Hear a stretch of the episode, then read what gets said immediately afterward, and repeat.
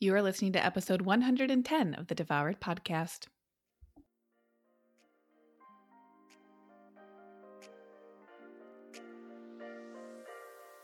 Welcome to Devoured, the podcast for women ready to release the title of Dieter for Good. I'm your host, Lucia Hawley, and I'm a certified nutritional therapy practitioner with my master's in social work, clinical mental health.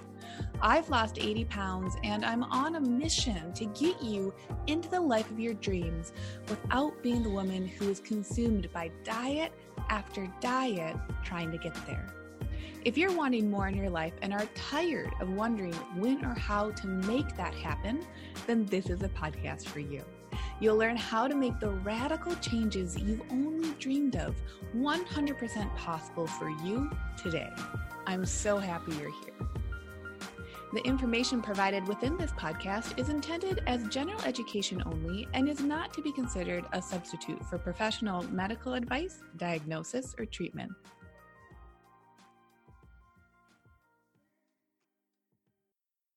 Okay, well, now every time I start a new episode, I want to call you all party people or party poopers or party people pooper poppers. You know, the names, they just keep on flowing. And welcome to episode 110. I'm very, very happy you are here. We are having some legit Portland weather today, like a little bit of rain, a little bit of drizzle, clouds are in the sky. And I know that the Lucia in December is going to kick the Lucia right now for saying this, but I like having the overcast skies and cooler weather. We're just going to be in for it for the next nine months after this, but that's fine. So, today I am talking about identity crises during weight loss. And of course, every, well, almost every subject that I talk about on this podcast is very much inspired by conversations I have with my clients each week in Lean and Liberated, either during the group coaching or private coaching or whatever even might come up um, in our private Facebook group, right? We there's like 24/7 support for all the women in the program, regardless of whether they can attend the one-on-one calls, the group coaching, if they can watch the replays. At the very least, you got the Facebook group because come one, come all. I welcome each and every thought. Every thought is valid and should be here. That's typically the only should I'm ever going to use is that if you have a thought or a feeling, it's okay. It's allowed. It should be here. Welcome to the party, party of people, pooper poppers. but here's something that I haven't talked about on the podcast yet. And because of conversations, I realize that we should. We should totally have this conversation. It's the idea around when you are losing weight let's have you expect that your identity will change during that weight loss. Now, let me break down to you the expectation for uh, kind of the conventional way of losing weight. Okay. So here's like the game plan for the conventional weight loss method. Number one, I lose weight. Number two, well, how I lose that weight might be kind of restrictive in how I'm eating, but I can power through that until I'm on the other side of this weight loss. Like, let me just get down to my goal. Okay. Number three, you do it and you get to the other side. You've hit the scale weight, you've gotten to whatever your goal is. Number four, you cry a sigh of relief. You've gotten to the other side. You feel exuberant. You say, Wee, I did it. Look at me. I did the hard, hard work. And then something gives. Number five, you might experience normal, typical life experiences of pain or anguish, or you feel insecure, or all of a sudden that moment where you hit the scale number, like it was fun in the moment and then it didn't really change anything in your life. So then you double down on feeling weird about that. And then all of a sudden, that restrictive diet uh, either it ended because you hit the goal, or you hit the goal and you've kept on doing the restrictive diet, and now it's like losing its appeal. It's not as shiny, it's not as fun because you hit the thing, but the thing didn't give you what you wanted. So, what do you do? You fall back into old habits. And why do you do that? Because you're trying to take care of yourself, right? That's step number six. Step number seven even if you understand that logically, that like you aren't feeling so great, and so you're just trying your best to take care of yourself, you might also beat yourself up about falling back into those old habits the comfort eating, the maybe l- lack of motivation. All of a sudden, your great morning routine is no longer. You aren't really doing the things that you were doing hardcore before. So, what happens? Oh, number eight, you gain weight back. Maybe it's the same amount, maybe it's more, maybe it's less, but all of that process then reinforces your identity. What is that identity?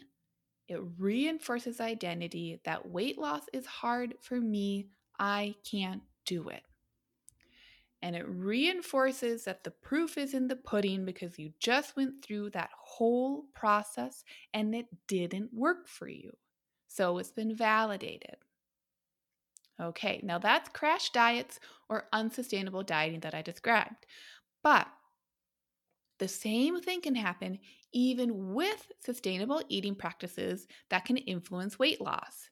I have to add this part in because I think this is the tricky part for anyone, especially think about like if you're coming from like a paleo background or you know, for the most part, you like enjoy eating whole foods, but like shit, something isn't working. Okay, the same thing can happen with those sustainable eating practices, and I'll describe why in a moment, okay? Or I'll describe those in detail in a second. But here's the too long don't read for either of those situations, whether you've crash dieted or you're just trying to focus on eating whole foods, but they kind of give you what you want. And then maybe you even like hit a goal weight or, you know, uh, like a like a, a, PR on a run or in the gym or like whatever the hell the thing is that you tried to get. Let's say that you get the thing and you have the experience in the moment. Oh my god, I did all the hard work and I got the thing. The problem with either of those ways of being is that we don't ever prepare ourselves in those processes for our new identities. Now, listen, when I say new identity, I'm not saying that we're going to have green hair and purple eyes, okay? We don't like transmorgify into this completely different person. It's not that big of a shift. And let me also add that it's not even the external shift of weight loss, how you look visually, that we're going to be preparing ourselves for really sometimes that is something that people it takes a while for their brains to catch up with how they have felt like they have presented and how they visually might present now. Of course there's space for that if that's something that's coming up but that's not the focus of today okay? It's the identity shift of who you are being when you are losing weight and maintaining that weight loss. That is the freaky part for a lot of us to conceptualize and understand. But I'm here to say that it actually makes a lot of sense, doesn't it? Crash diets have you act differently for a short period of time. They teach you nothing about the long term, or worse, they say you have to do the crash diet for a long term. And listen, of course, you're going to rebel against that. That's completely normal and healthy to rebel against a crash diet. Those other types of diets that I mentioned earlier, the long term, maybe on the surface more sustainable diets, they might try to teach you what to eat, right? Which is in general going to be unprocessed whole foods. And hope and pray that you learn how to be the person who mostly eats those along the way. But you could still rebel against that too right? Cough, cough, paleo, cough, cough, vegan, because you might be learning about the quality of foods, which is a great thing to learn about. But if you're still eating more than your present hunger needs, we have to address that. A long term sustainable weight loss and maintenance practice is one that teaches you how to be the person who thinks about why she's making food choices and the emotions that come up. I have to tell you, you literally have to learn how to be the person who eats a cupcake for the pleasure of it, which is what a lot of women can say that they want, but in action and in practice, they then might default back into the old identity of eating three cupcakes with other people because it's fun and it's a party or whatever, it's the evening after dinner and then three more cupcakes in the kitchen later on because she's overwhelmed by life. And has the identity of taking care of herself in the short term using the buffer of food. And I want you to know that that's fine. So often, these subjects around weight loss, around the scale, around eating foods that are quote unquote good and bad can bring up a lot of triggering subjects for women. And I simply wanted to be aware of our triggers. That episode I did last week around the scale, loving yourself down the scale or up the scale or not use, like whatever. We have to become aware and see that actually, when we're saying we want to lose weight, when we're saying we want to get the things that the weight loss provides, which is typically more energy, feeling more confident in our bodies, feeling like we can do the things that somehow we can't do right now, right? To obtain greater levels of health, maybe feel like we can see the doctor less or shift around what we feel like we're dependent on, whatever it is. What has to happen is we have to be the person who realizes she doesn't need to judge herself for stopping the diet when the scale goes up instead of down because she's making the scale mean a whole lot about who she is. Okay? Because if you're doing that, right? If last week's episode, episode 109, if you haven't listened, go back. It was super fun to record all about how to actually like use the scale first and foremost in a way that doesn't blow and that actually gives you good data. And then a way to hop onto the scale without your brain freaking out about what the number is showing you and what you're making that mean about yourself. Because if you've been incorporating any of those actions, which are super common, or you've had your head buried in the sand about the scale and the scale number, it's only one tiny piece. And we talk about that in the episode, okay? Like, scale is not the end all be all. But I just see so many women, and I've experienced this myself, that if you're making the scale to be this big, bad, mean thing, you probably learned that from society, small or large, right? Maybe you learned that from a family member growing up. Maybe it's from your friends group. Maybe that they learned that from TV or like mark mass marketing at large. There's so many shitty stories, and like our society sucks. It fucking blows when it comes to the stories that we are told we should live, learn, and enact in our lives, and what we should think about ourselves and who we are being when we think those things about yourself, okay? So, while all that shit sucks, in the meantime, world's not going to change very quickly. So in the meantime, how we actually make the world change is that we decide that we can be in charge of creating a wonderful relationship with ourselves that moves us towards our goals by managing our brains and what we think about ourselves. Okay? Now, listen, all of this stuff, it's not like rah, rah, rah, this self love stuff. It's mostly boring. Mostly what it's doing is that it's taking those extreme slants we love to default to, right? Think about the high highs you experience when you step on the scale and it goes down. And then those low lows you experience when you step on the scale and it goes up. And you want to like flip it across the bathroom tile and say, like, screw this.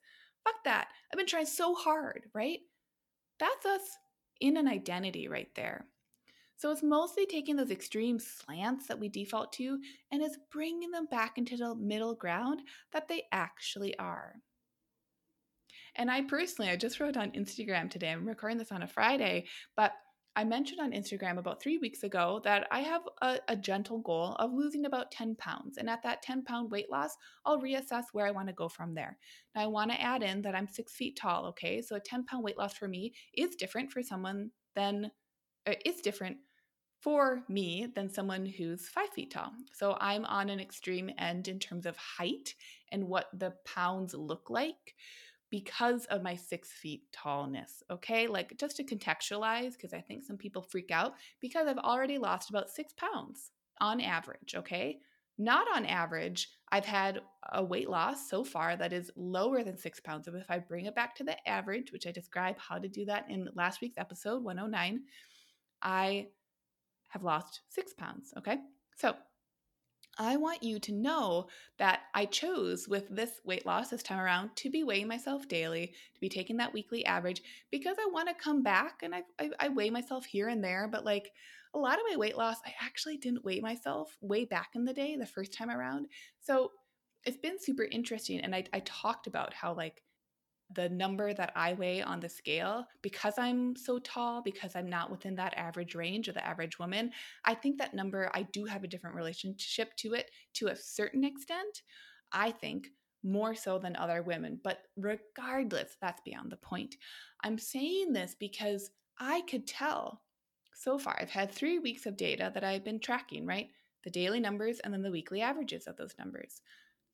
It is so funny, even for me, being someone who's informed that like a weight gain, quote unquote, a heavier body weight could also be influenced by if you've pooped yet today, how much water you've had, if the foods that you've eaten in the last 24 hours are lower carb or higher carb, if you're getting in enough salt, like if you're perspiring a lot. There's a lot of different reasons that are beyond our body fat levels and beyond body fat versus lean body mass. A lot of different reasons why the scale fluctuates day to day. Do you have your period? Are you a menstruating person, right? All this stuff. So, knowing all that, I have to tell you, it's still so cool and I will say so interesting hopping on the scale because I would guess each morning, and I'm still doing it, so I will and am guessing each morning before I hop on the scale. Okay, do I think it's going to go up? I think it's going to stay the same, or I think it's going to go down. And like 60 to 75% of the time, I'm right, and 25% of the time, I'm wrong. And it does something where I see that number, and typically it's if the number stays the same or goes up, my brain, it's not a big one, I'll just say, but like my brain is like WTF, why? And it wants to figure it out and it wants to make it a big deal that the number did something different than what I expected.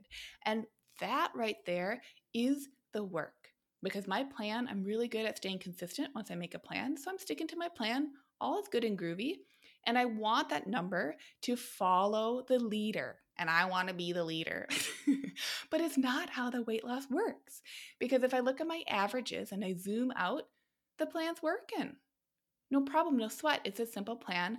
I made it to be simple and it's working simply. Boom. But in the day to day, it is so easy for our identities to default into stressing out and sweating the small stuff, which is why I felt so compelled to just hop on here to, today and to say, like, it's not really about rah rah self love, like, oh my God, like, mm, you got to love yourself so much before you hop on the scale. That's how you make it feel better. No, we kind of got to make stuff like the scale, these things that trigger us, this stuff and this work is boring. And it's taking those extreme slants, right? Like my propensity to have a certain thought, which is going to provoke a certain feeling that I have about that scale number that like I didn't expect. I would feel differently if I had expected it, right? Because sometimes there are days where I do expect the number to go up or maintain instead of going down.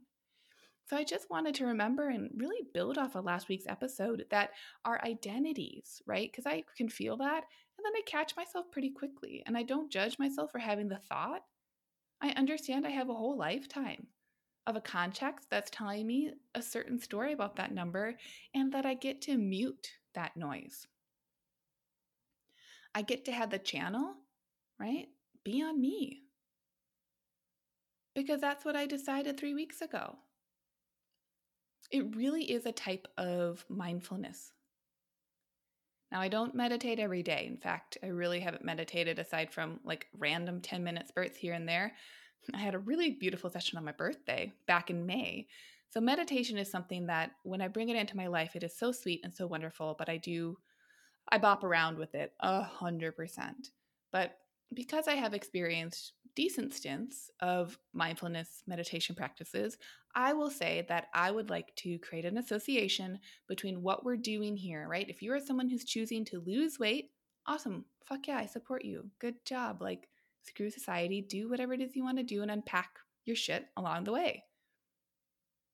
I do think, though, that anytime we are creating change in our lives, we are going to come up against, at some point, an identity crisis. Because, first off, change to our ego is like death. Our egos do not like the idea of change because it freaks them out because they're no longer in control.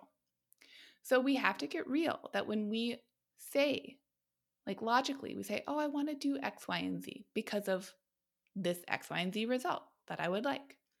We have to expect that at some point we're going to rebel. The rebellion is normal.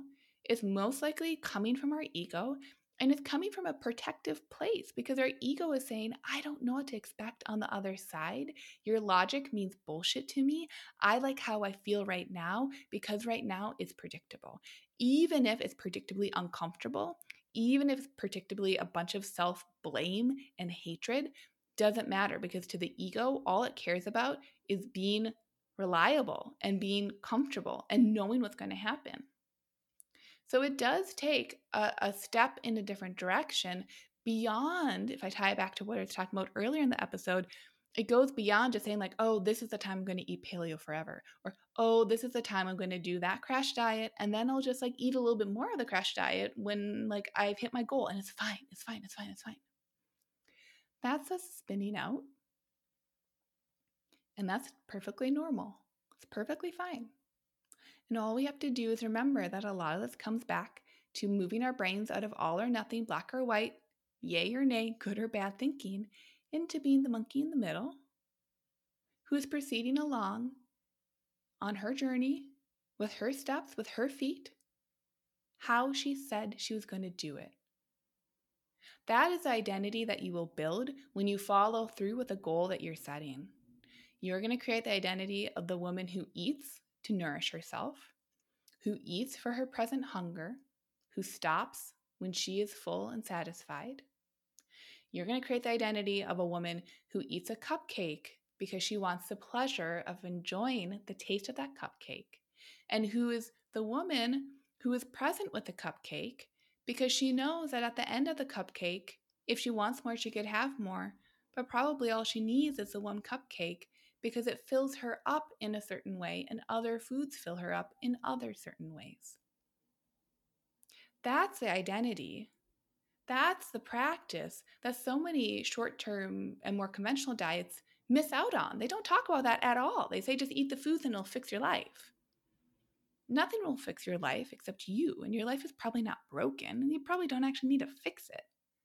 But what you need to do is start to realize that you've created a certain identity and you're saying you want a different identity.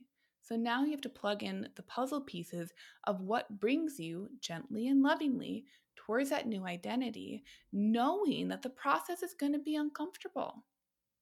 You have to know that it's going to be hard to wake up in the mornings, even though the end result could be I like to be up in the mornings to get stuff done before I have to go into work. Where you bring it in and reel it in is from going like, oh my God, it's so hard to wake up in the mornings because you're trying to make that decision in the morning to the night before realizing, oh, I've tried this game enough times that I know it's it's hard for about two minutes in the mornings when I try to wake up because my bed is warm and cozy and I'm kind of sleepy. Right? You bring it back in from the extremes.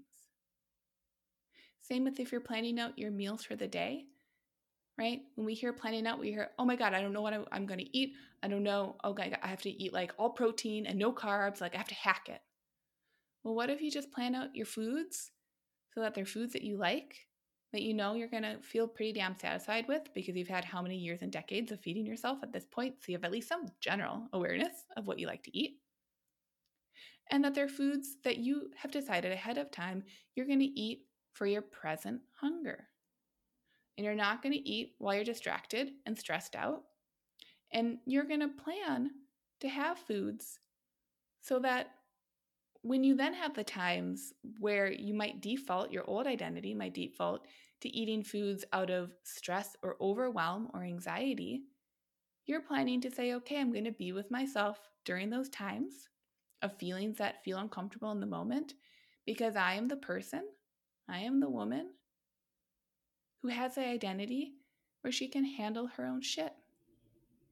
And handling her own shit might mean reaching out to a friend or a loved one in the moment instead of defaulting to a bag of potato chips. That identity might be taking a quick cat nap at 2 o'clock instead of reaching for a chocolate bar for the afternoon slump. That identity might mean drinking decaf coffee in the morning instead of a really big old cup of very caffeinated coffee. Because a new identity is someone who takes care of herself the rest of the day and she doesn't need that much caffeine. She doesn't need the caffeine crash afterwards. She's got this. That is what so many of the conventional diets miss. And that's what I want you to remember, right? Whether you're in lean and liberated or you're not, I want you to really start to think about okay, am I taking these actions to foster the new identity that I actually want? It's why we do a lot of value work in Lean and Liberated because these conversations, they can seem like 180 from just being like, but Lucia, tell me what to eat, how to move, when when to eat and when not to eat right? Like, aren't those just like the things I need to do? Sure. But like the container of them is you choosing to take certain actions in order to be the person that you desire to be. You don't have to white knuckle through that experience. It can be really beautiful and joyful. And I'll say again, as someone who three weeks ago is like, okay, like I'm ready to lose 10 pounds. I'll practice this. Like, that's fine. It's great. I want you to know the decision for that identity can be simple. And I want you to know that weight loss can be simple. And crash diets, white knuckle diets, whatever you want to call them, will always paint the picture that it's hard and that you are some champion if you've done it and that you are then better than the rest. And if you don't do it, then you aren't good. So you should try doing it again. That is all marketing, that is schematics, that is all how they continue to take money from people because diets are not meant to work more times than not. More times than not, a diet, and I say that because I've coached people through diets, right? For like powerlifting competitions. Sometimes a diet is legit a diet and they know it's a diet, but then they have a reverse diet planned at the tail end. Spoiler. But for 95, 97, 98% of people out there who are on diets, they're putting themselves on the diets, they're working with someone for a diet, not for a specific reason aside from wanting to be smaller and maybe wanting like a goal weight. So, most of those types of diets, they're not going to be sustainable because they don't sustainably coach you through how you're creating the identity of being the person who has effortlessly lost weight and who maintains that weight and who isn't like screaming and crying about the whole process. That is the difference between an unsustainable diet and a sustainable diet. I really want you to get curious this week. What is the identity that I'm practicing right now today? Because tomorrow never comes, right? The future is right now. It's every single second that's clicking away. So you are practicing identity today. And you'll practice one tomorrow, but like, why not just focus on today? If you need to focus on tomorrow, do it more, like, no more than 24 hours, okay? Plan it. But really get curious what is my identity? What have I been practicing? And what would I like to practice? How could I practice that simply? How could I buck against society? How could I be that rebel who says this gets to be loving and simple? Because I swear to you, there will always be an answer. I'll see you on the next episode. Bye.